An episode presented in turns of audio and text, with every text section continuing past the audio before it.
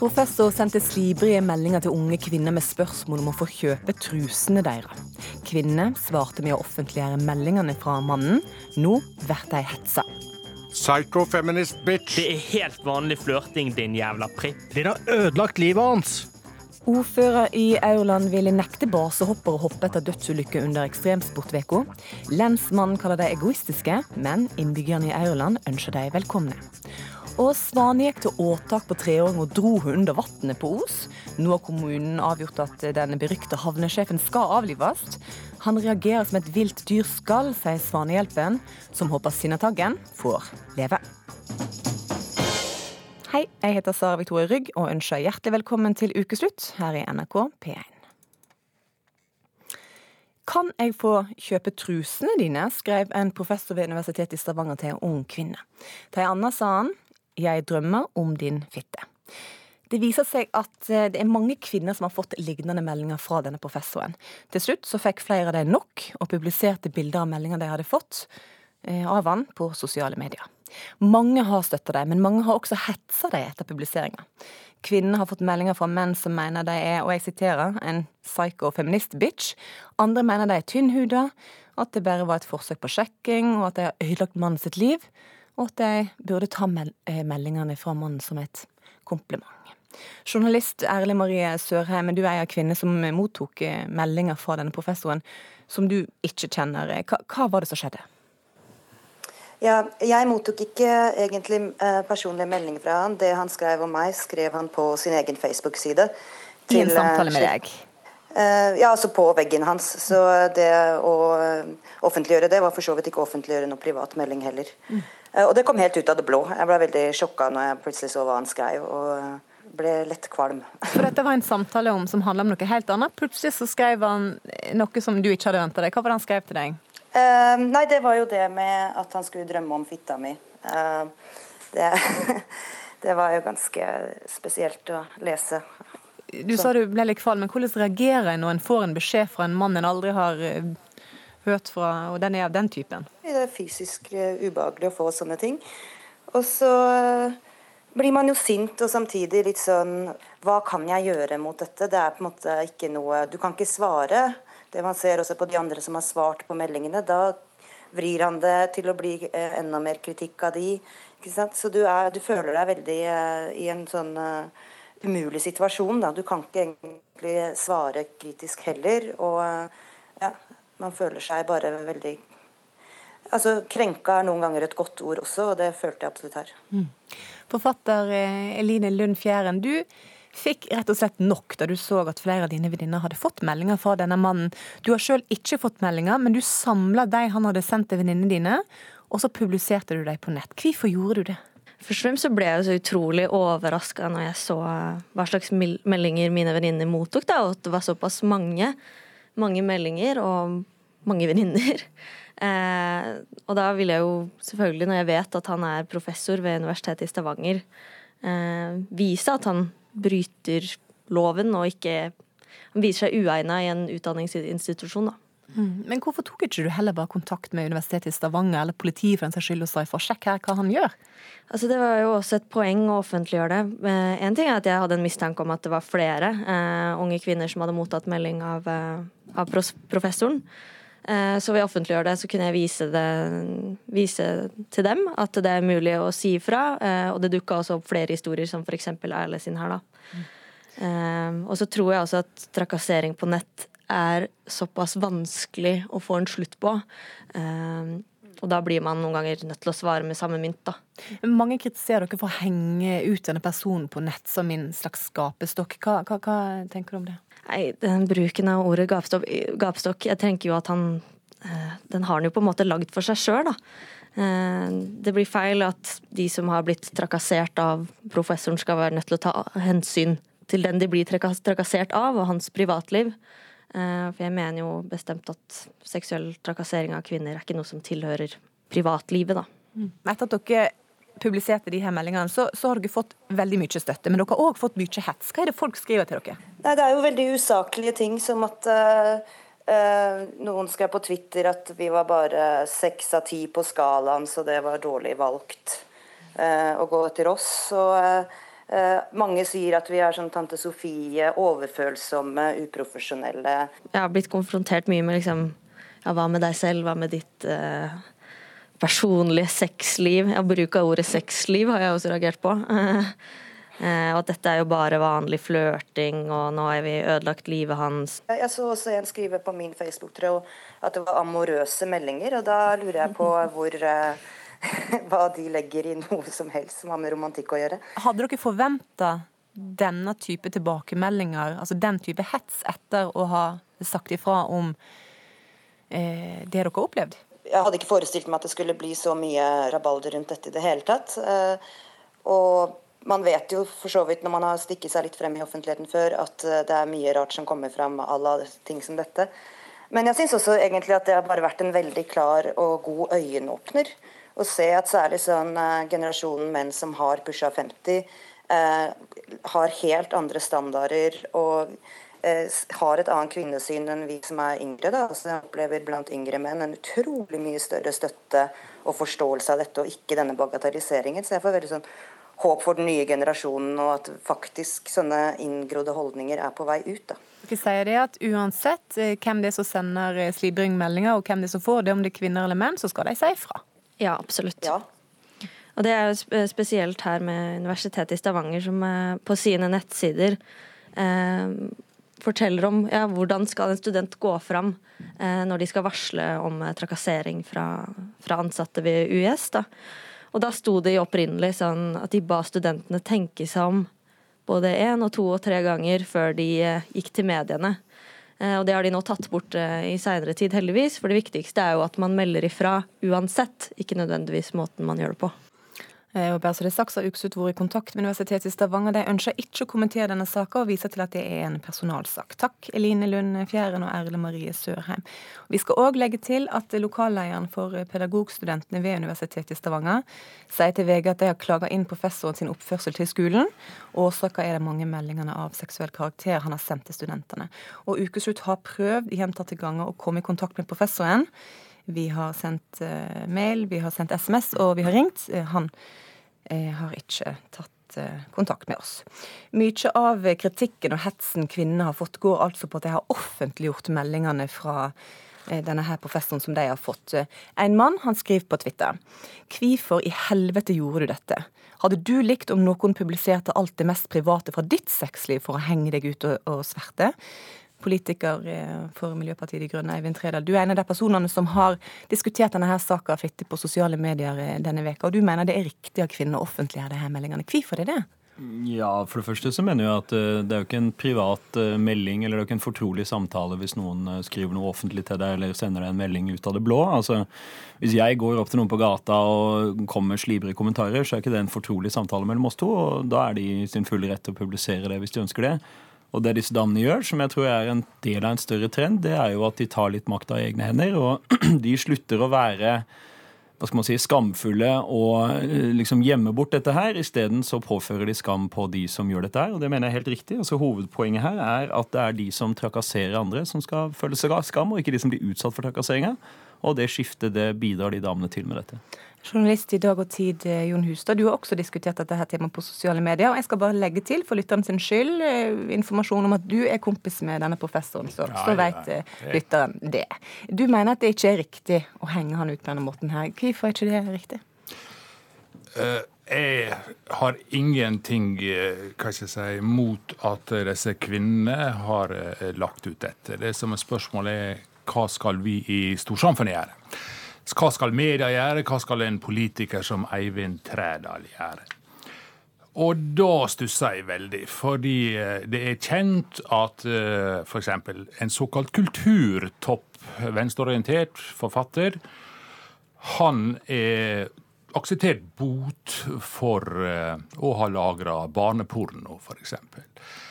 Kjente norske kvinnelige politikere har misbrukt unge ja, relativt veldig unge menn. Vi i media kjenner til dette. Trædal kjenner også til dette. Og denne såkalte kulturtoppen har eh, han likt veldig mange ganger på eh, Underskog. Så hvorfor er det så viktig å offentliggjøre denne professoren som ikke har gjort noe ulovlig? Jeg forstår ikke logikken her. Eller jo, jeg gjør det. Fordi denne professoren er jo kjent for å være en, eh, en slask. Han har ikke venstreorienterte meninger, og han er syns mange er ufyselig. Mens denne kulturtoppen, som er da dømt for eh, pedofiliporno på sin harddisk. Han er en hyggelig, venstreorientert kar som Trædal liker. Og hvis Trædal nå benekter at han kjenner til dette, så lyver Trædal, for jeg vet at han kjenner til det. Det er litt vanskelig å diskutere denne saka, for vi vet jo ikke helt hvem dette her er snakk om. Men det du egentlig sier her, er at fordi vi ikke liker Nei, det er ikke vanskelig å diskutere denne vi- saken. du- Poenget er veldig banalt. Alle i media vet om dette. Han er blitt omtalt i VG og i Aftenposten, men han professoren. vært anonymisert. Og hvorfor er det slik at f.eks. NRK velger å gå ut offentlig med navnet på denne professoren, mens det er en rekke andre som har gjort ulovlige ting, som er veldig kjente, og som NRK anonymiserer. Da skal jeg raskt si at NRK har valgt å navngi professoren av flere grunner. Mellom annet så er han som professor ved noen av landets høgste ut, største utdanningsinstitusjoner i en maktposisjon overfor flere av sine studenter. Som professor og veileder kan han bl.a. være med på å avgjøre framtida deres. Her er- her er begrunningen- men, NRK. er Hustad, det, til det du sier Nå la seg akkurat opp den. NRKs Nei, nei, nei. Vi har ikke tid til å lese det, den opp til jeg flere ganger. NRK. Identifisering må begrunnes i berettiget informasjonsbehov. Det kan eksempelvis være å identifisere ved overhengende fare for overgrep mot forsvarsløse personer ved alvorlige og gjentatte kriminelle handlinger. Har denne personen bedrevet overgrep og gjentatte kriminelle handlinger? Hva er dette slags vær? Tredal, eh, Ja, svaret på det er jo ja, det har han. Eh, trakassering Nei, av egne har- studenter er ulovlig, og det har jeg fått bekrefta at han har gjort. eh, Også av Nei, det har ikke som du fått bekrefta i hele Jo, det har jeg fått ingen- bekreftet. Ingen i Stavanger jo, som jo. har klaga inn til ledelsen. Jo. Ja, du har pedagogikk. Jeg har snakka snakket med en- at det La ikke Tredal har prate. jeg, jeg har snakka med en ung dame senest denne uka, som fortalte at hun har vært student under Nils Rune Langeland, hatt han som foreleser i år, og har fått ekle meldinger, og at hun har meldt fra til universitetet om det. Så det stemmer ikke. Og det er jo Er nettopp det poenget her. kriminelt? Ja, det er kriminelt. Det er faktisk ulovlig å trakassere unge Men personer som professor i Norge Du er politiker og nokså ukjent. Du er ikke jurist.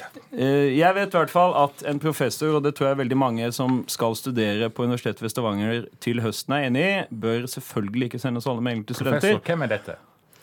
Hvem professoren er denne omgang? Nå snakker vi om professoren ved Universitetet i Stavanger. Og da må selvfølgelig. Universitetet i Stavanger ta tak i det. En av hovedutfordringene her er jo at dette har vært kjent akkurat som de sier selv, kjent lenge. Han har trakassert kvinner og mange andre på nett veldig lenge.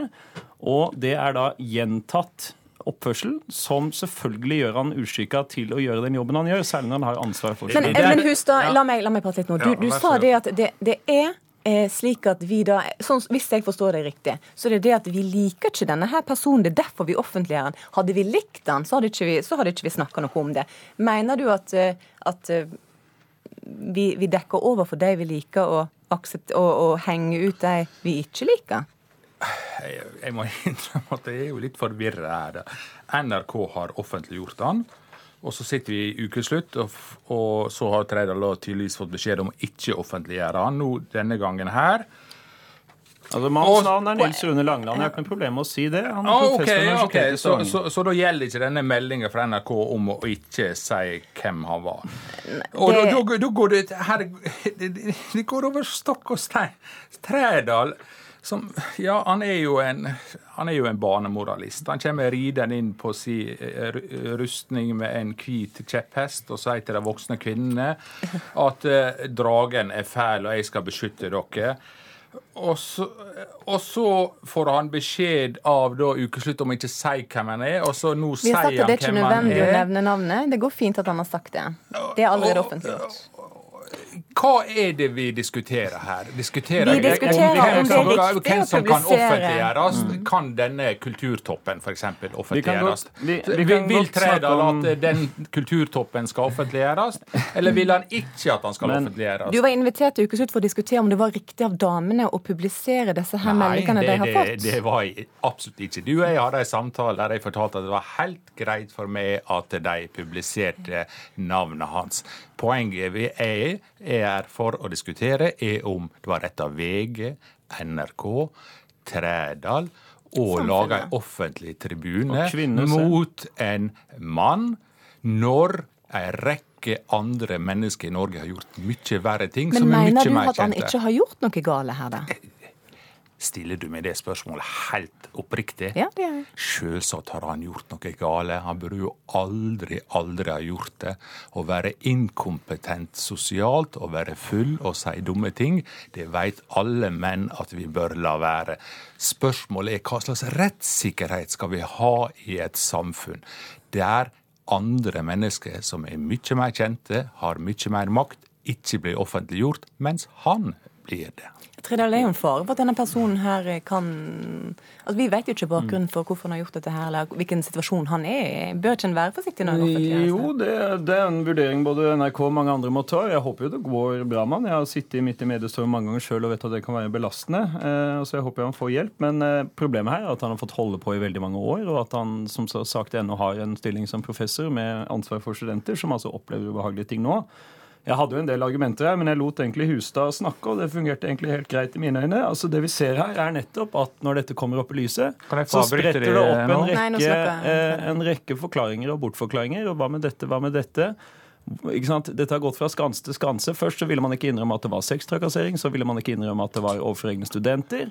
Men hver eneste gang man har uh, gått videre, så ser vi at det dessverre gjør det. Jo mer man graver i dette, her, jo verre blir det. Kan jeg, kan jeg nå få si noe til å snakke på Det lenge? kan du selvfølgelig gjøre. Ja, takk. La meg ta trådene dine om Langeland. Mm.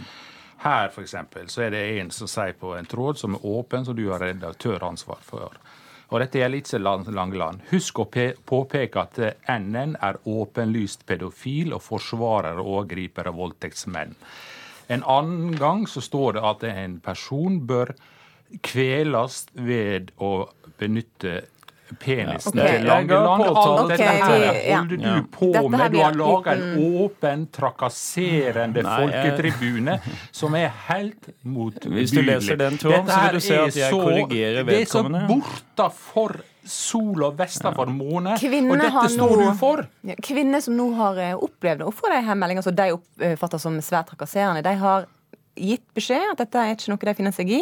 De blir nå hetsa. Hva tenker du om det, Tredal? Ja, altså, jeg syns det er et problem. Jeg påpeker jo overfor Hustad at de meldingene han kommenterte nå, ga jeg påtale på og sletta også flere andre, så det har jeg tatt tak i. Men det er jo det interessant å vite. ikke. Altså, det som jeg syns er interessant her En som seks ganger ble bedt Jon om å drepe seg sjøl, så sa du nei, kan ikke du slutte litt med disse sjølmordsmeldingene? Hustad, hva sier du til kvinnene som, som nå blir hetsa? Hva, hva, hva sier du til menn som hetser kvinner som har opplevd hets? Kort til slutt. Slutt med all type hetsing, bli voksne. Og det gjelder også Trædal, og for den del NRK. Vi kan være enige om å slutte med å hetse hverandre. Det Takk for at du kom i studio, Eivind Tredal, og takk, Takk. til deg, Jon Hustad. Vestlandskommunen Aurland i Sogn og Fjordane har i mange år vært mekka for basehoppere. Med livet som innsats så svever basehopperne langs stupbratte fjellsider, iført fargerike vinddrakter før de lander, forhåpentligvis trygt, på ei grasslette flere hundre meter lenger nede. For innbyggerne i Gudvangen er luftakrobatikken blitt en del av hverdagen. Men det har også ulykkene blitt. I forrige uke så mista en basehopper livet, og en annen ble alvorlig skadet da ekstremsportveka var på plass i Gudvangen. Nå tar ordføreren i kommunen til orde for et hoppeforbud. Det rister basehopperne på hovedet av. I det øyeblikket jeg tar sats, så finnes det ingen fremtid, det finnes ingen fortid. Det er kun det øyeblikket som teller. Og det er akkurat som om eh, verden går i litt eh, sakte film. Selv om det går i over 200 km i timen, så føles det ut som en uendelighet. Espen Fadnes er en av Norges fremste basehoppere med 5500 fallskjerm og basehopp bak seg. I 17 år har han kastet seg utfor de bratteste fjellveggene i landet, og på den måten fått maksimalt utløp for en sterk iboende kjærlighet til naturen. For min del så gjør det meg til et eh, bedre menneske, et gladere menneske, et eh, ressursmenneske. Jeg- Jeg får energi til å fungere godt og bedre i hverdagen ved å være fysisk aktiv og utfordre meg sjøl.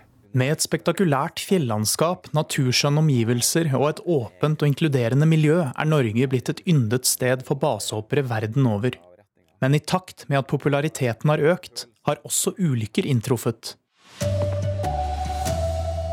I går kveld var det to basehoppulykker i Aurland i Sogn og Fjordane og én basehopper om. I forrige uke inntraff tragedien da en god venn av Fadnes falt i døden på Gudvangen i den lille vestlandskommunen Aurland. Vi har masse ulykker som ikke burde ha skjedd. Og det preger oss, det er tungt. Og ingen ønsker det. Alt vi kan gjøre, det lære av eh, feilene vi gjør, og prøve å komme videre. 1-7. Det er Bravo 3-0. Nå eh, begynner du å få bra utsikt opp til, til nebbet. Lensmann i Aurland kommune, Knut Arne Klingenberg, kjører rolig nedover en smal vei i Gudvangen, flankert av sylbratte fjell i en av landets minst bebodde dalfører. Nebbet, også kjent som en av de mest populære toppene for basehopping, ligger inneklemt blant fjellformasjonene som skyter opp fra bakken. Det er jo kjekt at de eh, finner på noen ting. Men det er jo klart det at eh, den aktiviteten vi har her inne, den er, den er krevende. Når dette skjer på sommerstid, er På lensmannskontoret i Aurland forteller Klingenberg at kommunen har opplevd seks dødsulykker i forbindelse med ekstremsport siden 2013, hvorav flere var basehoppere. For hjelpemannskap og politi har arbeidet bydd på store utfordringer både i redningsarbeidet og oppfølging av pårørende. Det blir en del av hverdagen, og og det er klart det blir slitasje på folk når du har såpass mye som vi har hatt. Altså Det er jo ikke kjekt å få de, få de inn i hagen da, på den måten. Det, det er det ikke, men For det har skjedd? ja. Lokalbefolkningen i Gudvangen har de siste årene bistått i varslings- og redningsarbeid når det har vært nødvendig. Klingenberg roser samholdet i den lille bygda innerst i Nærøyfjorden, men synes det er trist at innbyggerne blir ufrivillige vitner til dødsulykker. De som hopper, de gjør jo bevisste valg. Men det de ikke har tatt med seg, det er jo det at de er på Eller de vet jo godt sjøl at de er på en egotripp.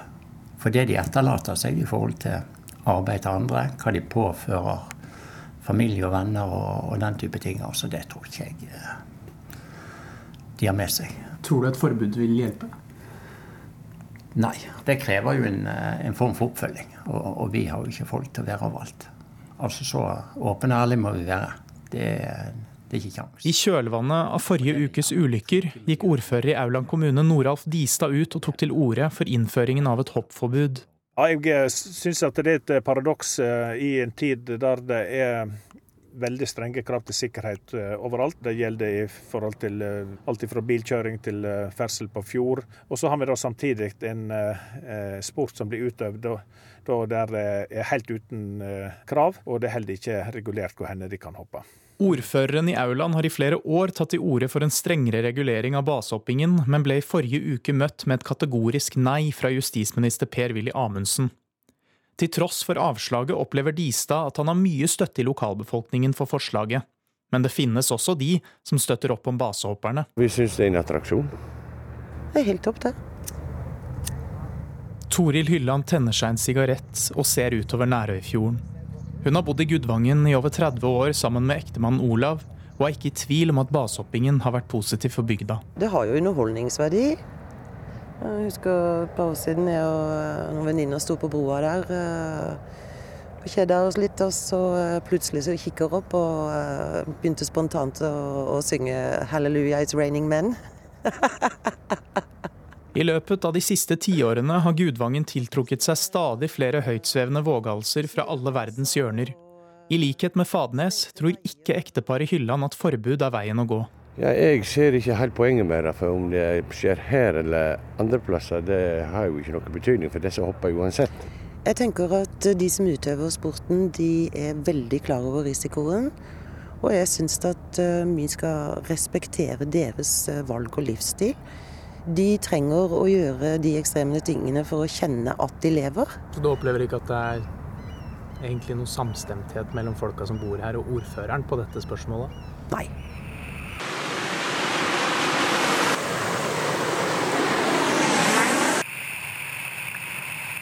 Jeg har hoppa i Auland siden 2001. Det har sikkert uh, blitt mange hundre hopp. Jeg har ikke tellinga på det, men uh, Gudvangen er en av de aller beste stedene vi har i Norge for uh, basehopping. Til tross for forslag om hoppforbud håper Fadnes at Auland kan bli et kraftsenter for basehopping i fremtiden. Å bli stemplet som egoistisk har han ingen problemer med å forstå. Jeg sier meg jo helt enig med lensmannen som synes det er egoistisk. Det, et annet svar enn det ville vært litt uh, merkelig. Det kanskje han glemmer, og det også ordføreren i Auland kommune glemmer, det er at i Norge så er det en sterk og lang tradisjon for å gjøre det. Hvis vi ser tilbake på 60- og 70-tallet i Norge, så var det en tradisjon for å forby alt som var nytt eller opplevdes farlig. Jeg syns vi har kommet oss vekk fra det. Så forbud baksnevers. For Fadnes er basehopping blitt en livsstil som gjør hverdagen litt mer spennende og innholdsrik. En måte å ta ut naturens og kroppens fulle potensial. En som heter Dag Kolsrud, han sa en gang det at eh, det er utrolig fascinerende å frivillig putter seg sjøl i en potensielt livsfarlig situasjon, men så løser det på en trygg og god måte. Og det er akkurat sånn basehopping føles.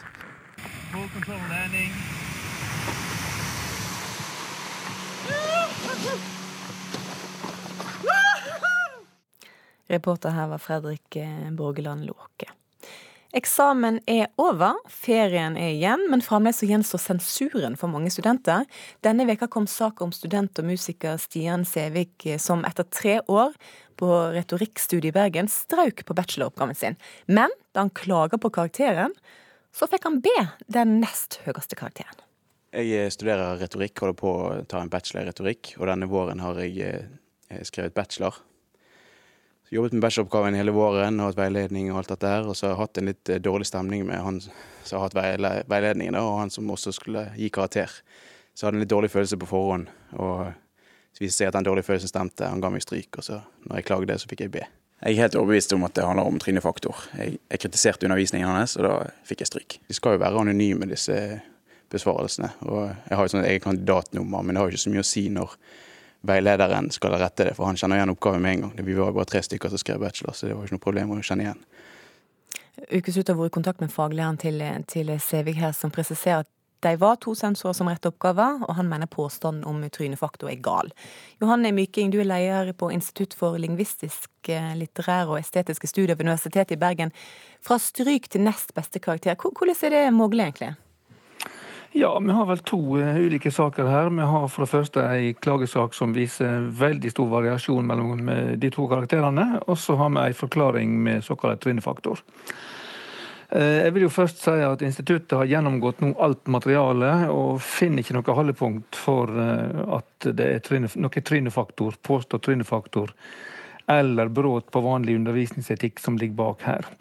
Så det er veldig beklagelig at en kollega har kommet i negativt søkelys bare for å ha gjort jobben sin. Eh, og jeg skulle jo i ettertankens klare lys ha, gjerne ha, ha, tatt, ha fritatt han for å delta i denne sensuren. Eh, nå har jo studenten fått et svar fra instituttet, og vi har jo respekt for studentens oppleving, men ser altså ikke at skyldningene er rimelige. Eh, og, som, og som, sier, som, faglæreren sier, det har vært to sensorer som ikke har hatt dissens, som altså har vært enige. Mm.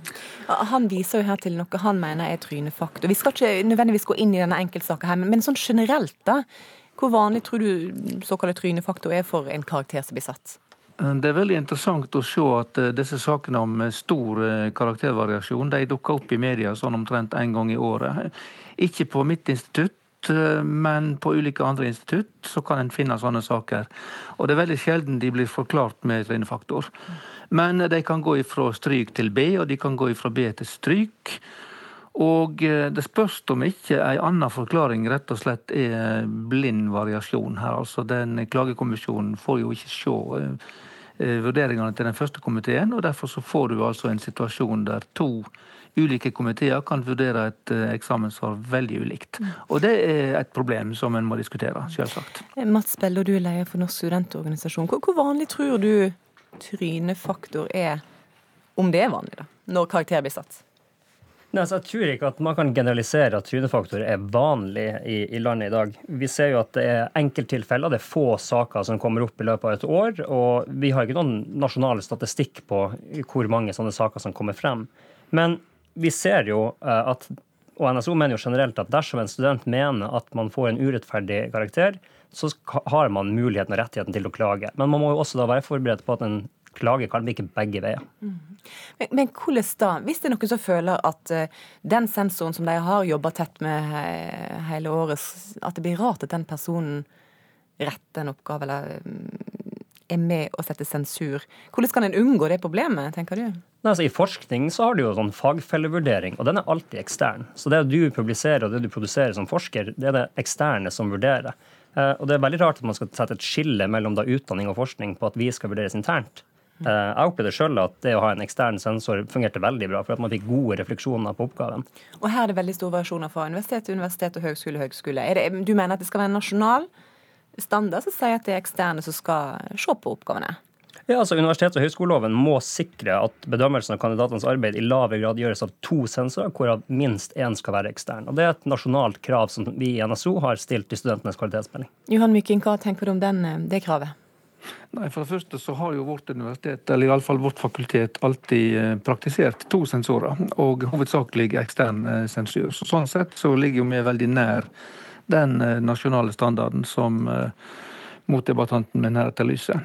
Vi har åpninger for å bruke to interne, og det ble gjort i dette tilfellet.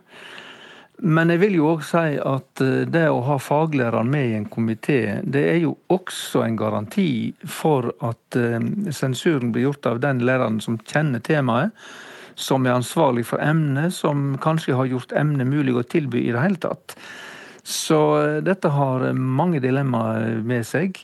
Og det er jo heller ikke noe problem hvis en går inn for det og kjenner igjen identiteter, selv om bunken ikke, ikke teller tre svar, men 20. Det har jeg opplevd sjøl.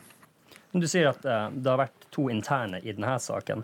Vi mener jo at dersom det ikke er mulig å ha en ekstern sensor, så skal det ligge en, en, faglig sensorveiledning. Og når man ikke har en ekstern sensor, så skal det få en ekstern vurdering av denne sensorveiledninga. Som sikrer at alle blir vurdert på de samme faglige kriteriene i faget. Det er helt riktig. Sånne regler finnes, og de prøver vi å etterleve. Det er ting som er på vei inn overalt nå i systemet. Men Du sier jo han Myking, at det blir dyrt å ha eksterne sensorer på alle oppgaver? Ja, det tror jeg er ganske opplagt. at eh, Skal du ha et fullt utbygd system med ekstern sensur på overalt, så vil det eh, koste penger. Eh, og Det er vel grunnen til at enkelte søsterfakultet i landet har valgt å bruke enmannskommisjoner der det er faktisk faglæreren som er sensor. Noe altså Bergen ikke har gjort. Penger som da må tas fra en annen plass i utdanninga? Ja, ved, ved, vårt fakultet så har en regna ut at en kunne ha spart kanskje ti årsverk eh, hvis en gikk over til et eh, enmannssystem, og det kunne en jo selvsagt ha brukt til å, til å utvide emnetilbudet og dermed læringsmulighetene for studentene. Så det er mange dilemmaer her. Men altså, investering, det er jo det det går på. at hvis, hvis, vi som studenter skal kunne få en ren faglig vurdering for det Man gjør det i forskning at man har en ekstern fagfølgevurdering. Man burde gjøre det at man har en ekstern vurdering eh, for studenter som har lavere gradseksamen og høyere gradseksamen. For per i dag er det kun på høyere grad. Så bør det være at institusjonen stiller krav i sine forslag til budsjett på at det skal være en investering i kunnskap, en investering i studentene. Det er det som tilbringer god kvalitet. Takk til deg, Mats Bello, og takk til deg, Johan Myking. Du hører på Ukeslutt her i NRK P1 og P2. Hold fram med det og bli med en tur på stranda. For hvorfor sole seg med vått badetøy når du kan gå uten? Ukeslutt dro på naturiststranda for å høre hvorfor sommeren er best naken. Du kjenner vinden overalt. Vannet. Du føler litt som en fisk. Det er kjempeskjønt. Og hva er det som gjør at 8000 personer på Os samler inn underskrifter for at en illsint svane skal få leve? Dyr vekker sterke kjensler i oss, sier tidligere rådgiver for Jens Stoltenberg, og forteller om da statsministeren falt for anda Varanda. Om litt her i Ukeslutt. Etter en lang vinter og kald vår, så er vel de fleste av oss glade for å endelig kunne kle av oss litt igjen og gå ut og nyte sola. Men noen kler av seg mer enn andre. Tanken på å gå rundt splitter naken på stranda den er kanskje forferdelig for mange, mens den er forlokkende for andre. Reporter Åsa Vartdal hun dro til Naturiststranda for å forstå hvorfor noen mener sommeren er best naken.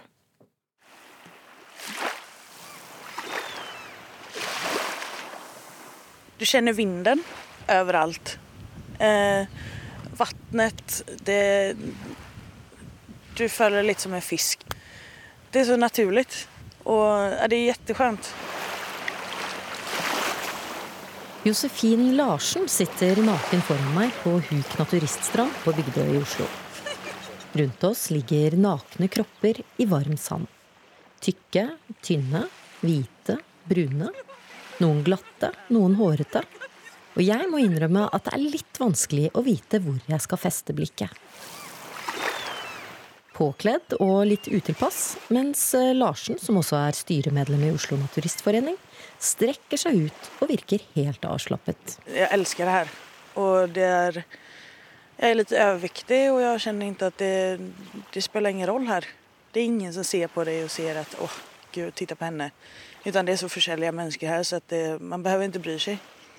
Det er helt uh, underbart. Befriende. Det er enkeltord. Eh, når jeg er her, så er jeg meg selv. Jeg er så som Gud har skapt meg. Jeg er så naturlig som det kan bli. Det du ser, er det du får. Og det jeg ser, er Stefan Mitchell Lauritzen, som også er styremedlem i Oslo Naturistforening. Jeg legger ut et pledd der inne, og så finner jeg noen mennesker der. Kjempefint. Og som Gud har skapt ham, går han rundt på stranden og finner folk som vil la seg intervjue. Har du hørt historien til Per Lønning om hvordan han ble naturist? Snart sitter Mai Sylvi og Geir, som bare vil at jeg skal bruke fornavnet deres, Josefin, Stefan og jeg på et piknikpledd i skyggen. Og de skal fortelle meg hvorfor det er så viktig for dem å kunne være akkurat det de er nå, nemlig nakne. Ja, men altså, det, har, altså, det er fritt. Også, altså, det er enkelt. Altså, det gjør på en måte ting litt enklere. Ellers så syns jeg det er deilig å, å sole seg naken, for du får sol på hele kroppen. Det er veldig godt. Men blir man ikke veldig selvbevisst av det? Går man rundt og tenker på hvordan er det jeg ser ut nå? Vet du hva, Det blir man ikke i det hele tatt. Altså, det, det, varierer sikkert, det er sikkert individuelt. Altså, men, men altså, jeg føler at jeg, altså, jeg tror folk er mye mindre selvbevisste sånn jevnt over her enn det de er på andre strender. Handler dette bare om det å være naken? For den eldre nasjonen så er det mye det. For den nye nasjonen, den yngre nasjonen, så er det jo en, en, en selvbilde som man kanskje slåss med, men også en litt politisk ting mot eh, massmedia og kroppspress. Ja, nå skal jeg i kiosken og handle litt is. Jeg blir med Geir opp i kiosken. Det er litt rart å gå sånn ved siden av en naken mann jeg ikke kjenner. Men han har vært fast gjest på denne stranden i flere år og trasker rolig av gårde. Da skal jeg få en sånn uh, royal med lakris, jeg. Fint å kjøle seg ned med en is. Og med så mye nakenhet på alle kanter, så skulle man kanskje tro at sex er en nærliggende tanke. Ha det bra. Klarer du å la være å tenke på sex når du sitter her naken sammen med mange mennesker? Ja, så du vet, Når alle er nakne, så blir det på en måte, da blir spenningen borti det. Da må du skru på den spenningen eventuelt. Altså, det, det greier man, men altså, altså det, blir, det blir en sånn derre altså, det, det, blir noe egentlig ganske aseksuelt over det, egentlig. Men jeg tror nok altså for de som er her første gang, og sånn, så er det nok litt mer den der. der men det, det går av etter hvert. altså Det forsvinner etter hvert. Så for dere er det egentlig badeklær som eh, er litt spenning? Ja, nei, badeklær er fort, fort mye mer spennende, uh, det. Likevel, på gresset litt lenger fra vannet sitter det noen menn som er fullt påkledd, og som sender lange blikk ned mot stranden. Men uh, da, da er det sånn sammenholdning på denne stranden at folk ser og går og snakker litt forsiktig med dem. og Enten tar de av seg, eller så går de. Merker vi at folk har en, en hidden agenda, så tar vi gjerne prater med hvorfor. Og så hjelper vi dem over i stedet og sier at det er mye hyggeligere om du tar av deg klærne. Noen ganger hjelper det, noen ganger hjelper det ikke. Skal jeg skal være litt tøff nå?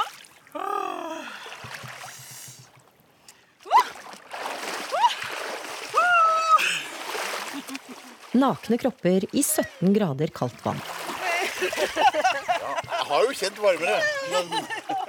For Mai Sylvi er det nå helt uaktuelt å gå tilbake til bikini sammen med de på den vanlige stranden på huk. Nei da, gjort er gjort. Når man har gjort det, så vil man ikke ha på seg bikini og sitte på andre siden. Oh, oh my god!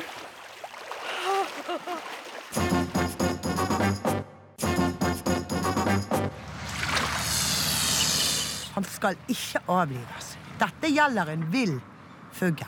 Jeg syns han, eh, han har dratt det litt langt nå. Eh, de må passe på ungene i nærheten av ville dyr. Du går ikke akkurat bort til en bjørn og begynner å klappe. eh, må ikke avlive han. Havnesjefen, han, det er reviret hans. Det er området hans. Det går jo på å vise hensyn. da. Det er vel enklere for oss å vise hensyn enn det er for han kanskje. Han har jo sine instinkt, så.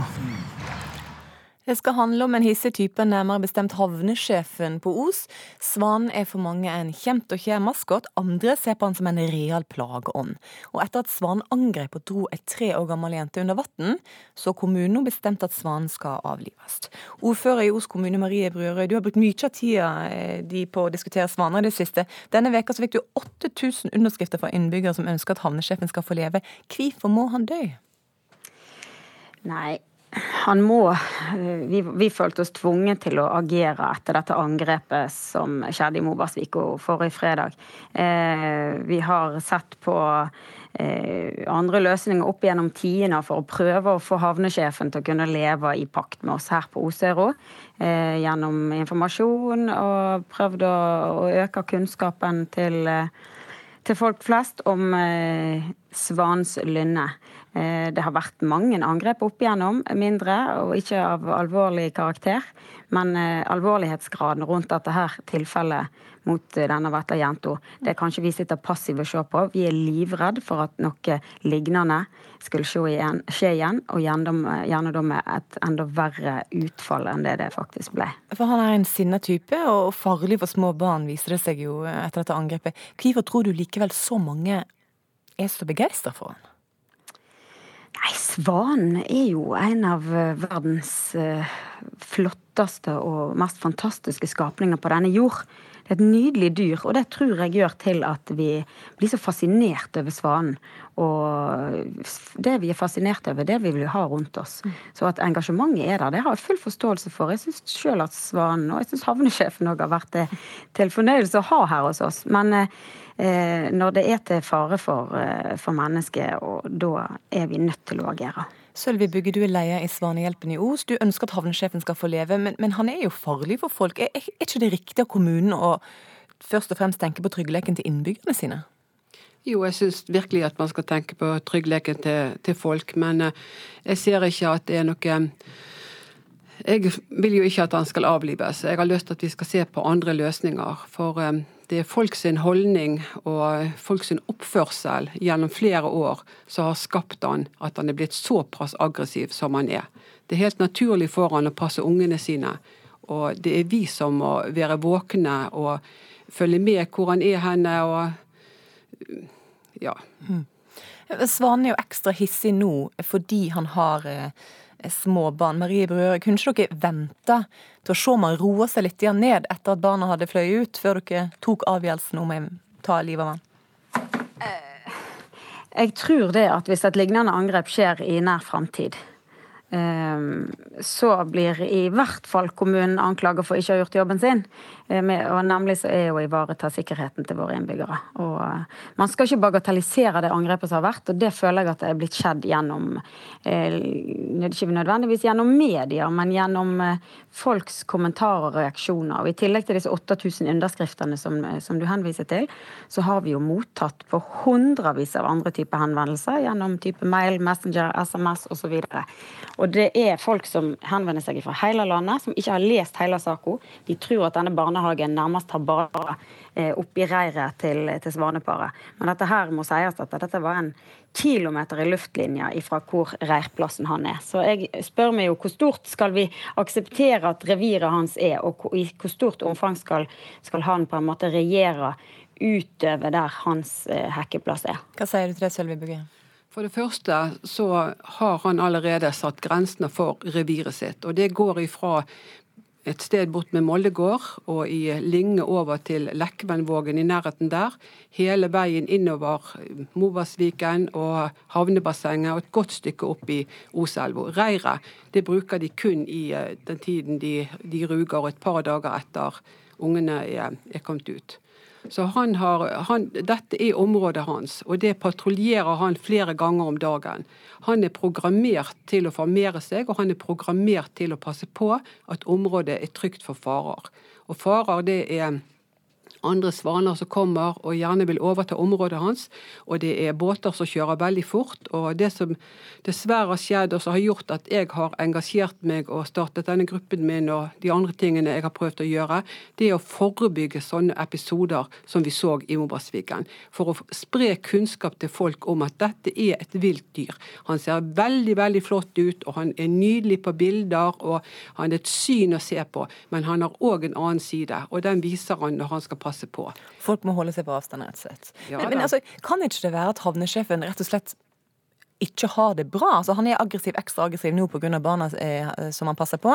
Men han er jo aggressiv utenom når han eh, har barna med seg òg. Kan det være at han har f.eks. kroniske smerter og rett og slett har det vondt, og derfor burde slippe å slippe plagene? Det som i hvert fall er sikkert, at midt oppi alt dette her denne uken, med all den informasjonen som nå har kommet ut, så forleden dag så var det en ungdom på en sånn vannskuter som kjørte rundt og rundt og rundt han. Det er å, pro å, å provosere han. Og det er sånne episoder vi har så utallige av. Det er den gruppen som fornøyer seg med å plage han. Mm. Og det gjør jo selvfølgelig til at han er ekstra på tuppene. Dette er jo ikke en enkel sak, og det har skapt ekstremt masse engasjement. Og i saker som er veldig vanskelig, så kan det jo ofte være godt med et råd fra en ekspert. Så vi tar rett og slett og ringer en som virkelig kan se på svaner, både rolig og hissig type.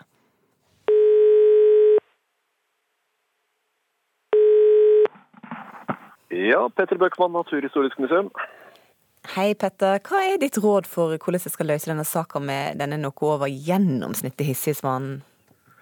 Det det ser ut som at denne svanen bør ikke være der det er folk. Hvis vi kan finne en eller annen løsning hvor man kan ha folk på ene sida og svanen på andre sida, så, så, tror jeg det er det beste. Nå er det jo en kommune som har tilbudt seg å ta den over. Hvis de finner et sted å putte den svanen hvor den holdes unna der hvor det ferdes mye folk, i alle fall så lenge han er unger, så er nok det den beste løsningen. Det kan hende han flytter tilbake igjen til Os, men i så fall så har man i hvert fall fått litt uh, ekstra tid å tenke på hva man skal gjøre med Takk for rådet, Petter Bøckmann. Marie Brurøy, dersom Svanehjelpen kan flytte havnesjefen, får han leve da? Vi har eh, ingenting imot hvis noen har lyst til å ta den til seg. Det kommer vi ikke til å innvende mot i det hele tatt, og det har vi heller ikke gjort. For vi har jo vært i kontakt med nabokommunen vår, dvs. det vil si en innbygger i Tysnes kommune en eh, som driver med fugl, en bonde. Eh, og han har henvendt seg til kommunen og sagt at han kan godt ta svanen til seg i eksil.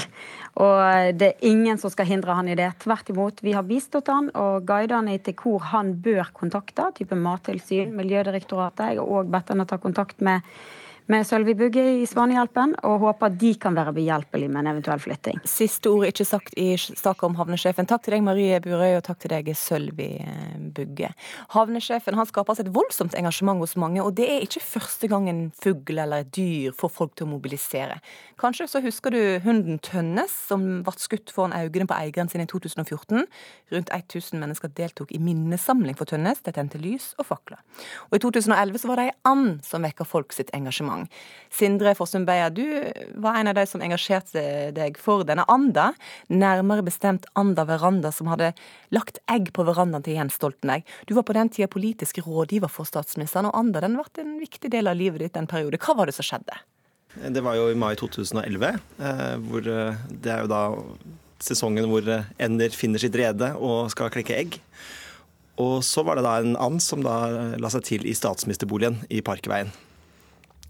Uh, og den la seg da til i, denne, i denne en, en, potte. Uh, og så og Stoltenberg uh, gikk jo da ut med mat, så det var jo vel åpenbart en, en, en and som fikk veldig god service i en periode. Jeg tror ikke den trengte å fly av gårde for å hente mat. Den fikk det meste servert.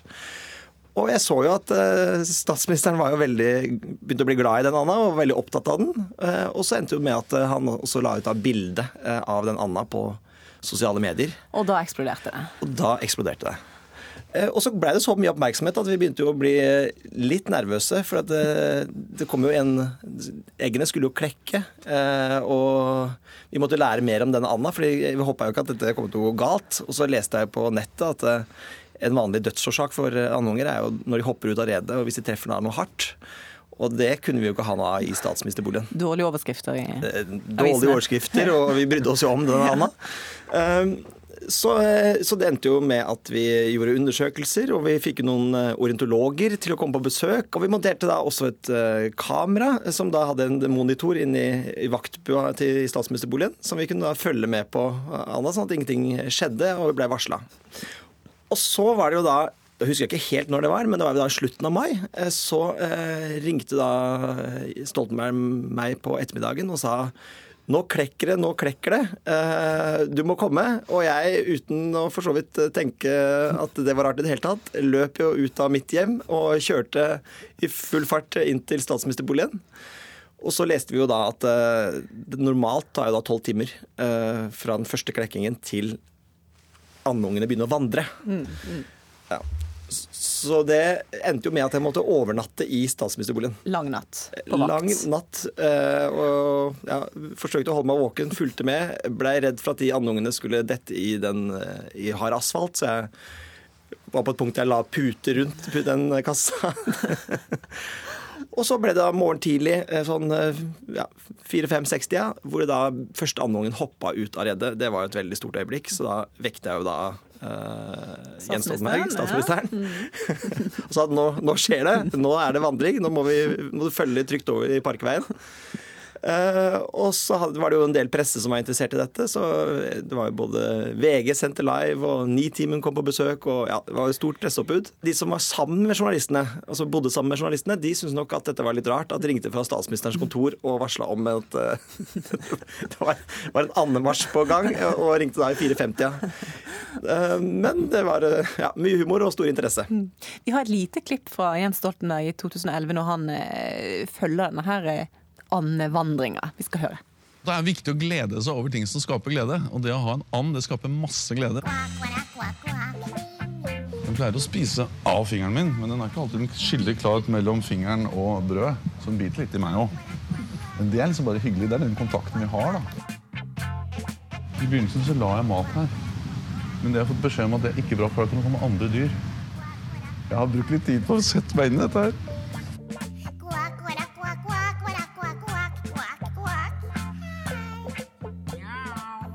Her snakker vi, her snakker vi en, en, and som får ekstremt masse oppmerksomhet både fra folk flest, fra altså, statsministeren. Var det PST som beskytter den, eller var det vanlige, var det andre vakter? Det var iallfall veldig mange som engasjerte seg her. Eh, hva er det med dyr som gjør at folk blir helt sånn Altså folk får et voldsomt engasjement? Man ser jo det på YouTube at en av de, noen av de mest populære videoene er sånne kattevideoer. Eh, og det syns jeg var litt rart, helt til jeg begynte å gå inn og se på de kattevideoene selv. Og jeg må innrømme at jeg syns det var ganske morsomt, så jeg så et par mer enn jeg hadde planlagt. Det er et eller annet som vekker følelser i oss, tror jeg, som mennesker. Eh, og menneskers kontakt med dyr eh, gjør eh, akkurat det.